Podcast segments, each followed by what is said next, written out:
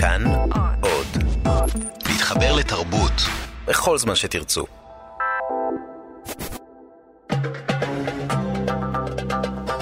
גם כן תרבות.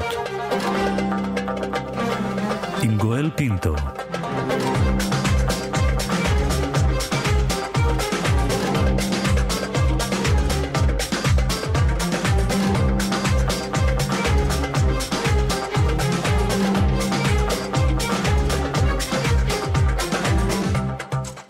שלום, תודה שבחרתם להאזין לנו. הסכת אה, גם כן תרבות, המיטב מתוך התוכנית היומית שלנו, המשודרת בכל יום ברדיו כאן תרבות, 104.9, 105.3 FM. תהנו. גם כן תרבות, עם גואל פינטו. אפליה, גזענות, זעקה, הן הקולות אה, שעולים כבר זמן מצד בני העדה האתיופית בישראל. עכשיו באגודת יהודי אתיופיה עושים מעשה בניסיון לשנות את מצבם בכנסת, במשרדי הממשלה ובבתי המשפט, והם מבקשים מכם, המאזינים, שתצטרפו אליהם. נמצאת איתנו זיווה מקונן דגו, מנכ"לית אגודת יהודי אתיופיה. שלום זיווה, תודה שאת איתנו. ולמאזינים. אם הייתי מבקש ממך למנות את הדבר האחד שבעינייך הוא הבעייתי ביותר בכל הנוגע למצבם של יהודי אתיופיה, מה היית אומרת? וואו, שאלה קשה. שאלה קשה. אני חושבת שהסוגיה הכי מהותית זה הסוגיה של uh, היהדות שלנו, שכל פעם נשאלת סביב איזושהי פרשייה. Mm-hmm. אה, אבל אם פרקטית אני מדברת על משהו יותר משמעותי, והתחלת את התוכנית בעניין של אה, החינוך ופערים בחינוך ושיעורי בית וכולי, הסוגיה של הפערים בחינוך היא מהותית ביותר. אתה יודע, אמ, ב-2016, בתשע"ו, ניגשו 40 תלמידים בלבד לחמש יחידות מתמטיקה. 40, 40, 40 תלמידים בלבד בני העדה. 40 בני העדה ניגשו, אה, ו-38 מהם עברו את הבחינות בהצלחה, אבל זה אומר משהו על 3,700 ומשהו תלמידים ש, אה, שנמצאים בכיתה י"ב, ומתוכם רק 40 ניגשים. מה זה אומר לגבי העתיד של... אה, mm-hmm. של uh, הדור הבא. אולי, הבעיה, אולי, אומר... אולי הבעיה, זיווה, בעצם השיח, הרי טרמינולוגיה עושה הכל, עצם השיח שאת ואני מנהלים עכשיו, כשכותרתו בני העדה האתיופית ואנחנו לא מדברים על ישראלים. אני חושבת שאנחנו בהחלט אה, תקועים במקום הזה של לראות את יוצאי אתיופיה כעולים חדשים, אה, ומשרדי הממשלה ובכלל בציבור כאילו נחתנו אתמול, אבל אנחנו מחצית מחייה של מדינת ישראל. אה, זה פשוט לא ייאמן. אנחנו 40 שנה במדינה, זאת אומרת מתחילת, מראשית העלייה, mm-hmm. שהתחילה בשנת 79. ואנחנו מדברים כאילו על אוכלוסייה עולה חדשה וכולי. אנחנו כבר, יש אה, דור שלישי. שלישי, שם שלישי שנולד בישראל. ש, שנולד בישראל, וכאילו לא, לא ישראלים. אה, ואנחנו מדברים על התלמידים האלה, אתה יודע, שההורים שלהם בוגרי מערכת החינוך, ועדיין לא כולם, כמובן אנחנו עושים הכללה כשאנחנו מדברים על מערכת החינוך, על המורים, על, אה, בכל תחום ותחום, והצבא בכלל, אבל אה, שרואים בהם כעולים חדשים. אני יכולה לתת לך דוגמה אישית mm-hmm. שלי. שמורה בכיתה ז', כשהבן שלי עבר מבית ספר יסודי לכיתה ז', שלושה שיעורים, והיא משתפת אותי אה, באספת הורים, אומרת לי, תשמעי, חשבתי שהוא ילד עולה חדש. נכנסתי לכיתה, והוא ישב בשקט, וחשבתי שהוא עולה חדש, שלא מבין שום דבר. וכששמעתי אותו מתפלפל במסדרון, אני נורא תפסתי את עצמי. עכשיו, אני מדברת איתך ילד אה, שאימא שלו אה, סיימה את, ההורים שלו סיימו את התיכון בארץ, שירות אה, צבאי ולאומי, אקדמאים, כאילו, ואני שלחתי את הבן שלי לבית ספר, לאחד מבתי הספר הטובים, וזה המפגש. אז התפיסה, זה, אז התפיסה היא הבעיה. התפיסה ההתחלתית. אה, אתה יודע, הממשלה מקבלת החלטות, כל מיני החלטות, ובסופו של דבר לא מיושמות. דוח מבקר המדינה ב-2012 שם מראה מאוד מאוד אה, אה, בוהקת למשרדי הממשלה ואמר, אתם לא מתנהלים טוב, הכספים לא מגיעים ליעדם. מתקבלים ההחלטות ומתוקצבים, ובסופו של דבר עד שמגיע הכסף לשטח, לאדם, לתלמיד, mm-hmm. הצנרת בדרך סופגת אותו, ואלה המילים של, של מבקר המדינה. המדינה. אז בעצם לא אתם, רוצים, אתם בעצם רוצים לעשות איזשהו סטופ ולהגיד, אנחנו כבר לא רוצים את העזרה של המדינה, של הממשלה, אנחנו נפעל בעצמנו, ותעשו מה, זיווה? אני אגיד לך מה, אנחנו לא אומרים שהמדינה לא צריכה לעשות, אנחנו אומרים שהמדינה צריכה לקחת אחריות. כשהשר בנט מדבר על חמש פי שתיים, חמש יחידות מתמטיקה פי שתיים מה, מהאוכלוסייה, אני רוצה שיראה גם את התלמידים יוצאי אתיופיה. עכשיו, לא כדי שיעשה פי שתיים ואנחנו נקפוץ מ-38 תלמידים ל-76 תלמידים, לא. אני רוצה את התלמידים האלה כילידי הארץ, כישראלים לכל דבר, כפי שהגדרת אותם, ויגיד, אני מקפיץ ואני מצמצם את הפערים האלה כדי שהמוביליות החברתית פה אה, תתפוס תאוצה.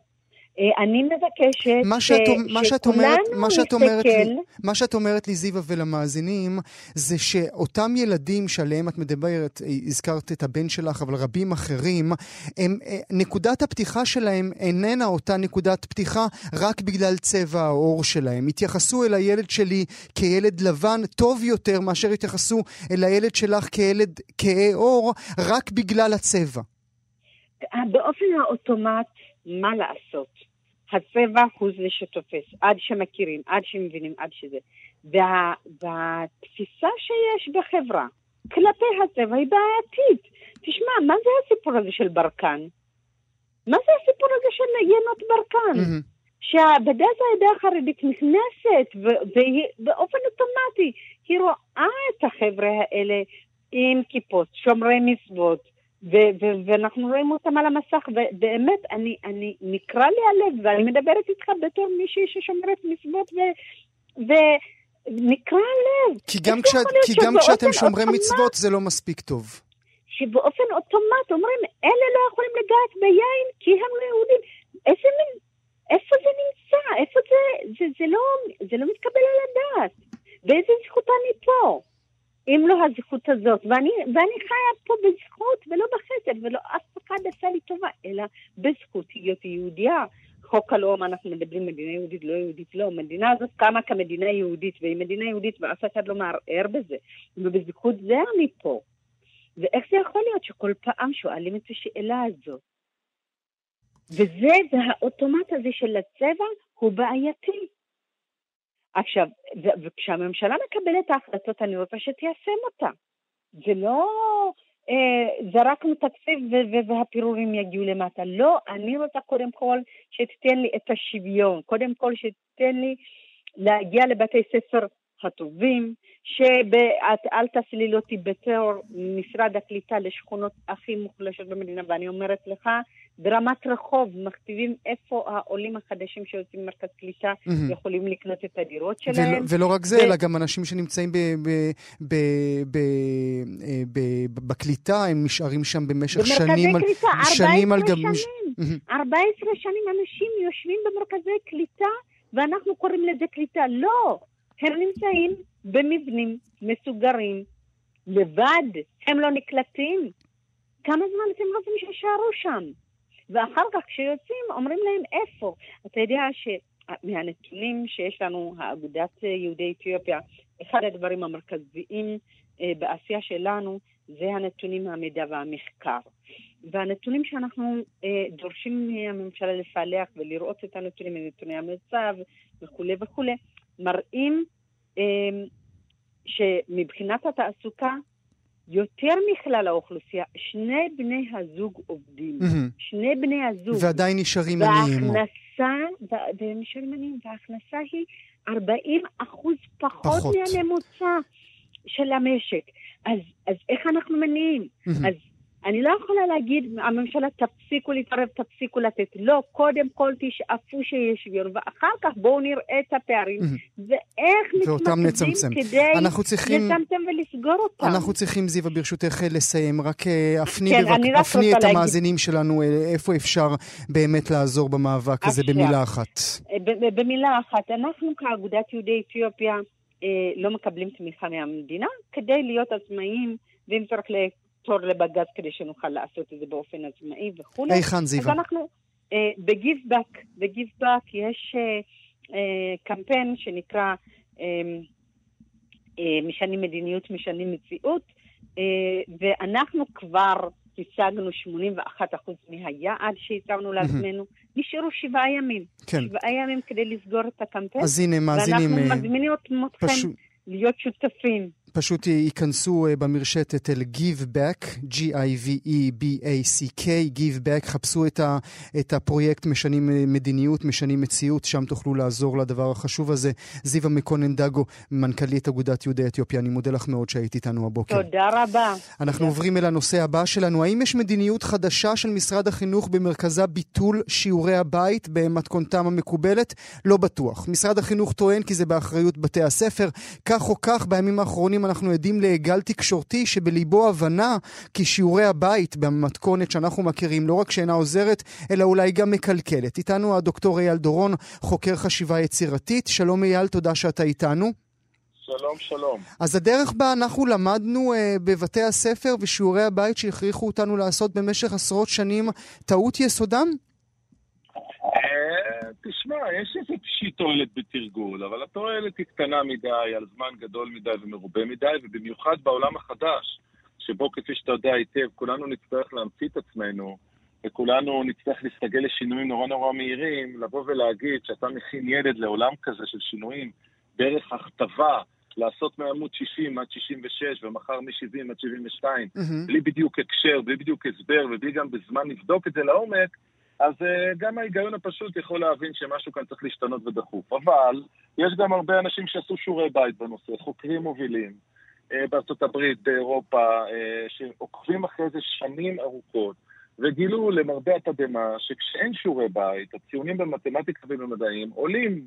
איך, תס, תסביר, לי, תסביר לי את ההיגיון, זהו, זהו, עכשיו זה נשמע נורא מוזר, נכון? כי זה נשמע כאילו העצלנים מקבלים ציונים יותר טובים מהחרשנים. אז תשמע, אנחנו לא אומרים לא לתרגל ולא ללמוד, יש פה, שני, יש פה שתי סיבות עיקריות. אם אני אומר לך, אתה מורה בכיתה, דרך אגב, אין לי שום בעיה אישית נגד מורים. אם אני אומר לך, אתה בכיתה, תקשיב, בואי, אתה יכול ללמד בכיתה, אבל מה שלא תספיק, תן להם הביתה. Mm. או שאני אומר לך, אין הביתה. מה שלא תספיק פה, לא, לא, הם לא ילמדו, נכון? Mm-hmm. אז אתה מבין שאם אין לך את, ה, את האפשרות להרחיב את הלימודים ב, ב, בבית, אתה תעשה את הכל כדי להעביר את עצמך בכיתה, נכון? אז בעצם, אז, ברעיון, אז בעצם אתה, אתה מדבר על המורה, אתה לא מדבר על התלמיד. קודם, רגע, רגע. קודם כל אני מדבר על זה שהלמידה הפרונטלית, שאני, מה שנקרא, מדבר, מדבר ולא נותן לך זמן לתרגל ולא מחלק לקבוצות ולזה, נובעת מפריבילגיה שאני לוקח בטעות. בעניין הזה, שאני אומר, מה שאני לא אספיק פה, יתרגלו בבית, ואבא ואמא יעזרו. אז אבא ואמא לא עוזרים. ואיזה פלא, בכיתות שלקחו את שיעורי הבית החוצה, אז הכיתה נהייתה פחות פרונטלית, יותר מתרגלת, יותר קבוצות עבודה וכולי וכולי. אבל יש פה עוד עניין חשוב, השאלה מה זה הפנמה והבנה. אם אני עושה מעמוד עד עמוד, ואני לא מבין, ואני מורח, ולא בא לי, ואני מתוסכל, ואני שחור, ואני סתם עושה את זה, זה הרי לא נכנס לי, לא לראש ולא ללב, ולא הופך לחלק ממני. אבל אם נגיד אני אומר לך, תקשיב, אתה למדת משהו, בוא תראה איך זה בא לידי ביטוי בעולם. נגיד, למדת לכתוב? אה, אוקיי, אז תנסח מכתב תודה למישהו שעזר לך. למדת אחוזים, תעזור לאימא לקנות או לאבא לקנות באתר מכירות את הספה הכי גדולה. והנה, התחלתי לחבר לך. תכניס את זה לחיים עצמם. כן, ואז זה רלוונטי, ואז גם בא לי ללמוד. אני אומר, בואנה, שווה להקשיב. שווה להקשיב, אני אוכל לעשות עוד משהו בעולם. שווה להקשיב. זאת אומרת, במקום, עכשיו, מה אנחנו עושים? אנחנו לוקחים ילדים וכל הזמן מבוגרים מנהלים אותם. מנהלים אותם בבוקר, מנהלים אותם בצהריים, מנהלים אותם בערב עם החוברות שיעורים. כל הזמן אומרים להם מה לעשות. שאנחנו יודעים שכל אחד מאיתנו צריך להיות הרבה יותר יזם. אז אנחנו ממש מוטרדים מזה. עכשיו, למה אני נטפל לשיעורי הבית? יגידו לך, תשמע, אבל יש כל כך הרבה עניינים אחרים. כי שיעורי הבית לא מצריכים אישור, כל אחד מחר יכול להחליט שהוא לא עושה שיעורי בית. Mm-hmm. אוקיי? הם לא מצריכים כסף, לא תקציב, לא בנייה, לא שיפוץ של בית הספר, לא טכנולוגיה חדישה, לא שום דבר. פשוט תשים את החוברות צד, ותתחיל לייצר דרכים אחרות לתרגול. בוא נגיד, אני מציע לבית ספר, קודם כל אנחנו נותנים ליווי חינם למי שרוצה, זה הכל פרו בונו. הדבר השני זה שאני מציע להם, גם אם הם לא באינטראקציה איתי זה מספיק, שלוש משימות בשבוע שילד מכל מה שהוא לומד, יבוא ויגיד, זה מה שעשיתי בעולם כתוצאה מה שלמדתי. רגע, תסביר, ת, הוא... תסביר את הנקודה הזו רגע. שיש לך בכל שבוע נתון, אתה אומר לילד, תקשיב, מכל מה שאתה לומד השבוע, תמצא שלוש דרכים ליישם את זה בעולם האמיתי. Mm-hmm. בחשבון, בתנ"ך, בסדר. מה יקרה? הוא יקשיב בקשב רב לאורך כל השבוע כדי לנסות לדלות את השלישייה שאתה דורש ממנו, כן. בוא, בוא נגיד כן. רגע מילה ברשותך על ההורים, אייל. כן, כן, ההורים, ההורים ושיעורי הבית זה משהו שהלך אה, לפחות בתקופתי הרבה יחד. אה, גם כי, נכון. גם כי היה הורה בבית, לפחות אחד היה בבית, והיה עם מי נכון. לעשות את הדברים האלה, וגם היה מי שיכריח אותי לעשות את הדברים האלה. אבל היום אנחנו חיים בעולם אחר לגמרי. אנחנו חיים נכון. בעולם שבו אין הורה בבית, או לרוב הילדים אין הורה בבית. אז בעצם נכון. זה גם עוד, עוד, אה, עוד רובד אחד על למה צריך בכלל לפרק את כל המושג הזה שאנחנו קוראים לו שיעורי הבית. כן, זו נקודה מאוד טובה, רק צריך לזכור שיש פה עוד רובד, שזה, שזה הגדלת פערים, כי יש ילדים שאין להם בכלל הורים שיכולים לעזור להם גם כשהם חוזרים בערב הביתה, הם לא יעזרו להם ולא יודעים לעזור להם. אה, מה שאתה אמרת הוא מאוד נכון, אבל אני רוצה להגיד משהו על ההורים. ההורים מחזיקים את שיעורי הבית כאיזה מין בקרה. אני רוצה לדעת איפה הילד שלי עומד. למה? כי הם קצת לא סומכים על בית ספר. ואז יש פה מעגל שלילי. לא סומכים על בית ספר, כל הזמן רוצים את השיעורי בית לדעת איפה הילד עומד. וזה לא נכון, זאת עוד טעות. צריך לשחרר, כי זה לא באמת איפה הילד עומד. אם הילד מילא עוד שבעה עמודים בחוברת, כי הכריחו אותו, זה לא אומר שהוא הבין או התקדם או למד. אבל אם הוא עשה משהו בעולם, אז אז זה איזושהי אינדיקציה, וזה, וזה צריך להתרכז ואסור לחכות. אני רוצה להגיד משהו שהוא מאוד חשוב. יש איזה מין, כשמדברים על חינוך, אומרים רק שנייה, צריך זמן, בוא נשקול. בוא נשקול את הדברים. לא צריך לשקול את הדברים, כי הכל זז נורא מהר. Mm-hmm. ואי אפשר שבכל עולם, תעשייה, הייטק, בנקאות, רפואה, תחבורה, הכל ירוץ נורא מהר, ומערכת החינוך, כל זה תגיד, אבל חינוך זה עניין שלוקח זמן. לפעמים לקחת את הזמן זה לא אחראי, לפעמים לקחת את הזמן זה בלתי אחראי. וצריכים להתחיל לזוז יותר מהר. אתה, אתה, אתה, אתה בעצם אומר למשרד החינוך, אל תעשו שיעורי כן. בית. אני אומר למשרד החינוך, אל תיקחו צעד קדימה, צעד אחורה. אני אהבתי את מה שאתה אומר, אבל אני רוצה להגיד לך שזה במקביל. אתה יכול לעשות שיעורי בית ולחקור את העניין, אבל אתה, אתה, הזמן התגובה שלך חייב להתקצר.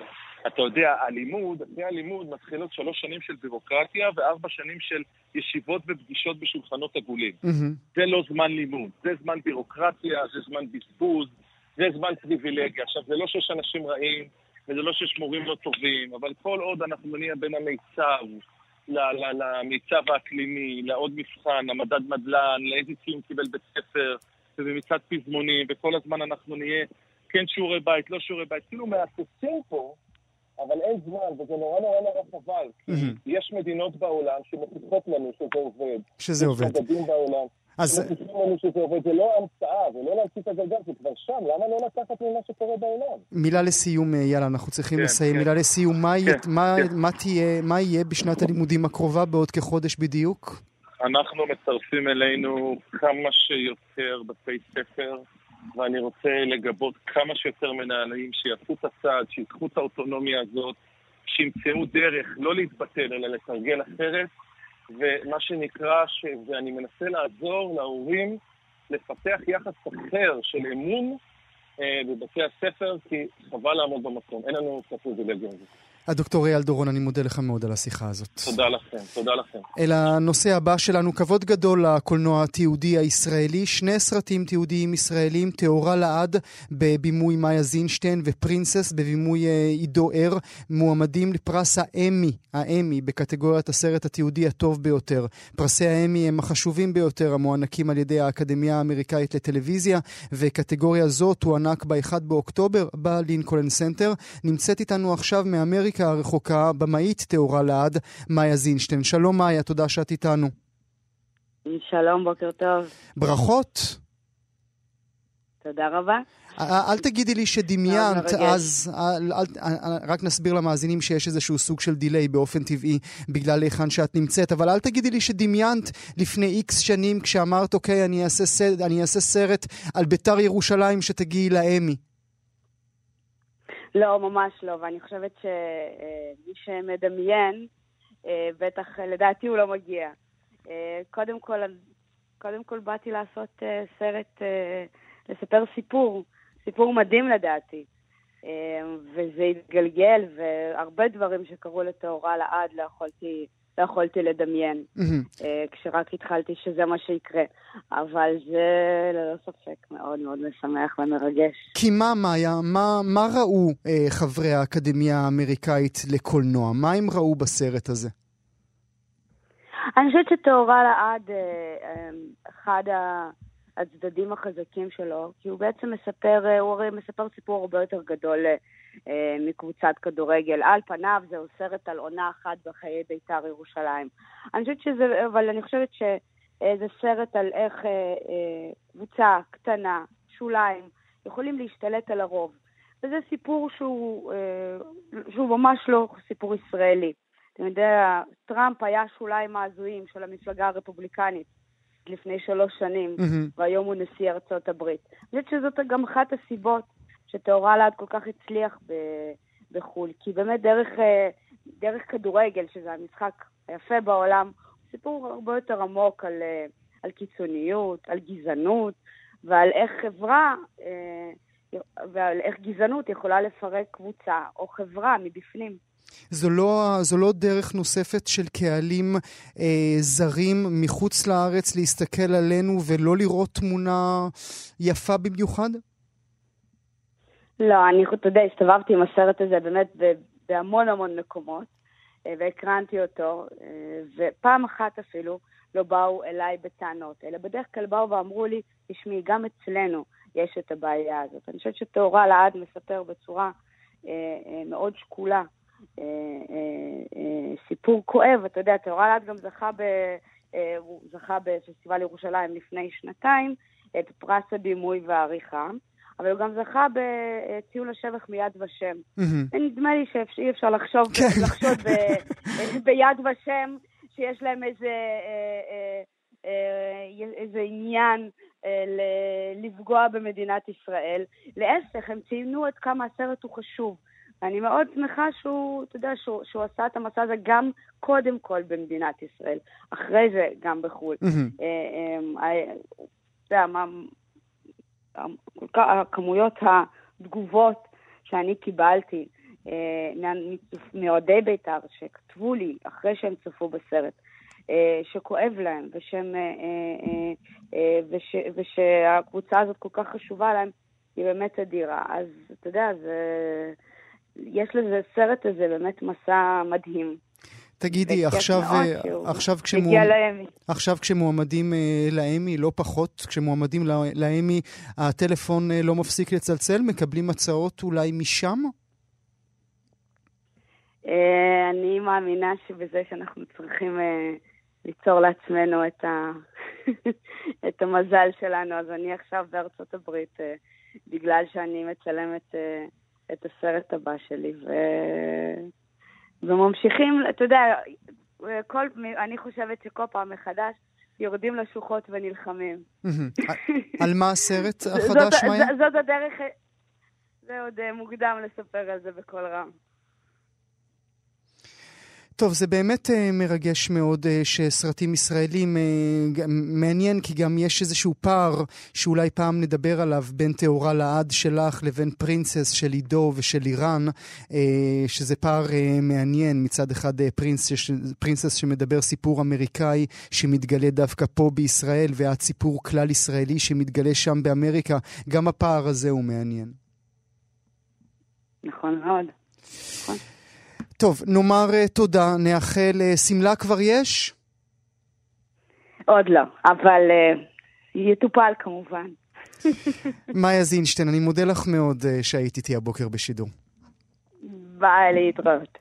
סקר אה, חדש ומקיף שהתפרסם בשבוע שעבר בבריטניה, בדק מהי העלות הכספית של חמש שנות לימודי ארכיטקטורה. תוצאות הסקר, ארכיטקטורה הפך להיות מקצוע אליטיסטי ומומלץ להירשם ללימודים רק אם אתם אה, בני עשירים. המסקנות האלה אינן זרות לסטודנטים לאדריכלות ועיצוב בישראל גם, שנאלצים להוציא אלפי שקלים נוספים בשנה על מה שנקרא תשלומים אפורים. כדי להבין מהם תשלומים אפורים ולהבין מדוע רוב מוחץ של הסטודנטים במקצועות הללו באים מרקע מבוסס כלכלית, נמצא איתנו איש כאן תרבות מנור בראון. שלום מנור, תודה שאתה איתנו. בוקר טוב אה, גואל. אז באמת סקר שנערך לאחרונה בבריטניה, שבוע שעבר, אה, ממגזין אה, ארכיטקטורה ג'ורנל. הוא ממליץ לבני השירים בלבד להירשם ללימודי ארכיטקטורה. אמ, כמו שאמרת, הם הפכו לדבר מאוד אליטיסטי, זה לא שהם לא היו לפני, mm-hmm. אבל עכשיו גם יש להם מחיר מאוד גבוה. אה, זה בעצם חושף אה, איך הסטודנטים הבריטים נדחקים לפנות להורים ולהלוואות גדולות מאוד בבנקים, כדי לממן אה, חמש שנות לימוד באוניברסיטאות, שמגיעים לסכום של 100 אלף לירות סטרלינג, שזה שווה ערך לכמעט חצי מיליון שקלים. לתואר. לתואר שני. בארץ אנחנו חמש שנים עם תואר ראשון. מי שרוצה תואר שני צריך לנסוע אה, לחו"ל או להישאר בארץ, זה שנתיים נוספות.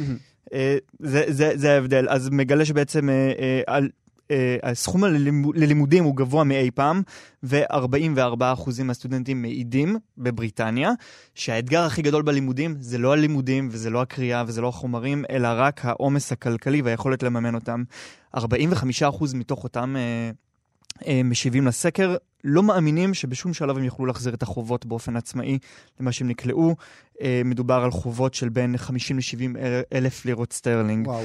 אה, הסטודנטים הבריטים, אנחנו כבר נחזור, נגיע לישראל, הם מוציאים בממוצע בכל שנה קרוב ל-2,000 לירות סטרלינג, שזה כמעט בין 9,000 ל-10,000 שקלים. תשלומים אפורים, מה זה תשלומים אפורים? מה זה תשלומים אפורים? מעבר לשכר הלימוד שכולנו אה, משלמים באוניברסיטאות, mm-hmm. אה, סטודנטים לאומנויות, לאדריכלות, לעיצוב, הם נדרשים לשלם באופן קבוע עבור חומרים, להדפסות, למודלים. כי בכל שבוע אה, המרצים רוצים לעשות הגשות יפות mm-hmm. ומפוארות. החומרים האלו עולים הרבה מאוד וזה כסף. וזה מגיע לכדי עשרת אלפים שקלים בחודש? אה, בברית... רק על חומרים... ב... לא כן. בחודש, ב- ב- ב- בסמסטר אוקיי. אוקיי. בבריטניה. בואו נגיע אלינו, סקר של התאחדות הסטודנטים והסטודנטיות בישראל. אה, בסקר שהם ערכו בשנה שעברה, בקרוב, לקראת שנת הלימודים הקרובה, התפרסם סקר מעודכן. Mm-hmm. הם אה, אה, גילו שסטודנטים באופן כללי נכנסים מדי שנה לחוב של 15,000 שקלים בכל שנת לימוד. אה, אם אנחנו נדבר רגע על סטודנטים אה, אה, בישראל לעיצוב ואדריכלות, ממה שאני בדקתי, מוציאים בסמסטר בערך תשלומים אפורים בסביבות ה-4,000 ו-5,000 שקלים. אם אנחנו מדברים על פרויקט גמר, אה, זה בכלל הנתון הזה לא נמצא בסקר, כי mm. מדובר על הוצאה של 20, 30 ולפעמים גם 50 אלף שקלים. שזה על הגב שלהם. אה, זה על הגב שלהם. על הגב שלהם ועל גב בוא, ההורים. בוא נשים אה, נקודה רגע. נמצאת איתנו עכשיו על הקו עדי משניות, חברת המועצה להשכלה גבוהה מטעם התאחדות הסטודנטים. שלום לך, תודה שאת איתנו, עדי. שלום גואל, תודה. הנתונים האלה שמנור מביא גם, מביא גם בראי מה שקורה בבריטניה ומה שקורה כאן בישראל, עד כמה אנחנו מוטרדים מהם? נכון, אז באמת אה, אנחנו בהתאחדות הסטודנטים והסטודנטיות כמובן מאוד מוטרדים מהנתונים האלה. אה, בישראל, בשונה מבריטניה, הבעיה המרכזית היא לאו דווקא שכר הלימוד, שכן רוב המוסדות לעיצוב המדוברים הם דווקא מוסדות מתוקצבים, שבהם שכר הלימוד אה, הוא, הוא פחות אה, הבעיה, אבל אה, כמו שבדיוק מנור כאן הזכיר, אה, הבעיה מתחלקת למספר חלקים. קודם כל, אה, המוסדות בעצמם, בתשלומים האפורים, חשוב לי להדגיש, מעבר להוצאות השוטפות של הסטודנטים, המוסד בעצמו גובה סכום נוסף בכל שנה, שיכול להגיע לפחות או יותר כאלף שקלים נוספים על שכר הלימוד mm-hmm. מסטודנטים בהרבה מהמקצועות האלה. ואז בנוסף, אנחנו רואים הוצאות שוטפות מאוד מאוד גדולות אה, לאורך השנה, שהולכים גם על ציוד מתכלה, אבל גם ממש על דברים תשתיתיים, ואני אתן רק כדוגמה, אה, כל תוכנות העריכה, הדפסות, והיום הדפסות תלת מימד, שהן דבר שרק הולך וצובר תאוצה. בעולמות העיצוב האלה, אה, הרבה פעמים זה תשתיות שבכלל לא קיימות במוסד ואת הכל צריך לעשות באופן פרטי. וזאת הדוגמה לכך, לשאלה בעצם מדוע זה כל כך שונה ממקצועות אחרים? תראה, אני חושבת שהנורמה יצרה שוני, אבל השוני הוא לאו דווקא במקומו. Mm-hmm. כיוון שאנחנו מכירים גם במקצועות אחרים, יש לנו הרבה מעבדות, ציורים, uh, לדוגמה uh, מקצועות מדעיים שבהם צריך חומרים כימיים שונים. אנחנו לא כן, כי אף אחד לא יבקש מהסטודנט לפיזיקה שיביא את המיקרוס, בדיוק, אף אחד לא מבקש מסטודנט למדעים מדויקים שיביא את החומרים מאימא שלו. עדי, את היית ממליצה, את היית אולי... ולעומת זאת במקצועות העיצוב, אנחנו רואים שאנשים צריכים לקנות לבד דברים ממש כמו מלחמים, אפילו יש סטודנטים בודדים שאפילו רוכשים הדפסות להזמד ומתחילים להזכיר אותם לחברים שלהם. וואו. עדי, כן. את אה, היית ממליצה לסטודנט שאין לו תמיכה כלכלית היום בישראל, להתחיל ללמוד את אה, לימודי האומנות, אדריכלות ועיצוב? תראו, אני בעצמי לא ארצה להסתכל ולהמליץ לאף אחד שום דבר, אני חושבת שמה שחשוב זה שהמידע יהיה חשוף לסטודנטים ושאנחנו כהתאחדות סטודנטים נפעל לטובת הסטודנטים שאין אה, להם אמצעים כאלה מהבית. אה, בנתונים שאנחנו רואים היום לצערנו המתאם בין סטודנטים בעשירונים 9-10 שהולכים גם להנדסה ואדריכלות וגם למקצועות האומנויות מגיע לכמעט פי שלוש מהאחוזים של אה, עשירונים 1 ו-2, mm-hmm. אז נראה שהסטודנטים בעצמם מבינים את המסר אה, שנשלח להם מהמקצועות האלה. אולי גם חשוב אה, להגיד שהלימודים מאוד יקרים, אבל גם המקצוע אה, כלכלית אה, הוא ברוב המקרים לא מתגמל, נכון? זה, זה, זה נכון, אם כלכלית, כי, זה נכון אם כי הדבר הזה יכול להיות נכון גם לגבי, לגבי מקצועות אחרים, כן. ולכן, ולכן אני חושבת שבסוף השורה התחתונה היא איך אנחנו מאפשרים וכשמערכת ההשכלה הגבוהה והמל"ג בפרט עושה תוכניות הנגשה מאוד משמעותיות ומצהיר על עצמו אה, שהוא, הציב, שהוא הציב לו למטרה את שוויון ההזדמנויות, איך אנחנו מייצרים שוויון הזדמנויות אמיתי בכל הרבדים ובכל אה, בעצם תחומי הלימוד והעיסוק שיהיו פתוחים לכולם. אז בעולם, אה, בעולם, אה, בעולם טוב יותר, מה בעינייך, אם הייתי נותן לך קארט בלונש, מה הדבר הראשון שהיית עושה? אז קודם כל, אנחנו חושבים שצריכה להיות פה שיתוף פעולה, הן עם המוסדות, הן עם ות"ת, מל"ג, um, והן איזשהו מאמץ uh, לאומי. Uh, קרי, uh, לראות איך מטפלים בנושא התשתיות, אולי עושים שיתופי פעולה בין המוסדות לאותן רכישות של ציוד כבד כדי להפחית את העלויות השוטפות אה, על הסטודנטים, על כל הסטודנטים. בנוסף, אנחנו חושבים שבהחלט יש מקום לבחון את כל מפעל המלגות בהקשר הספציפי של אולי מלגות נוספות על רקע סוציו-אקונומי להצטיינות עבור אותם סטודנטים, כדי שכן יוכלו לצאת אומנים מצטיינים mm-hmm. וארכיטקטים של המחר, שיהיו גם מאותן אוכלוסיות שהיום אין להם אפשרות לקבל את התמיכה הזאת מהבית. אמ, ודבר נוסף שאני חושבת שהוא מאוד חשוב, אני חושבת שיש לו פתיחות מסוימת במוסדות, אבל הם עוד ממש לא שם, אין היום בחשיבה של ההוראה את התיאום בין מרצים גם לשקול בהגשות השוטפות, כי מה שגילינו דרך אגב בהשוואה בינלאומית הוא שבארץ כמות ההגשות שנדרשים משבוע לשבוע היא אדירה.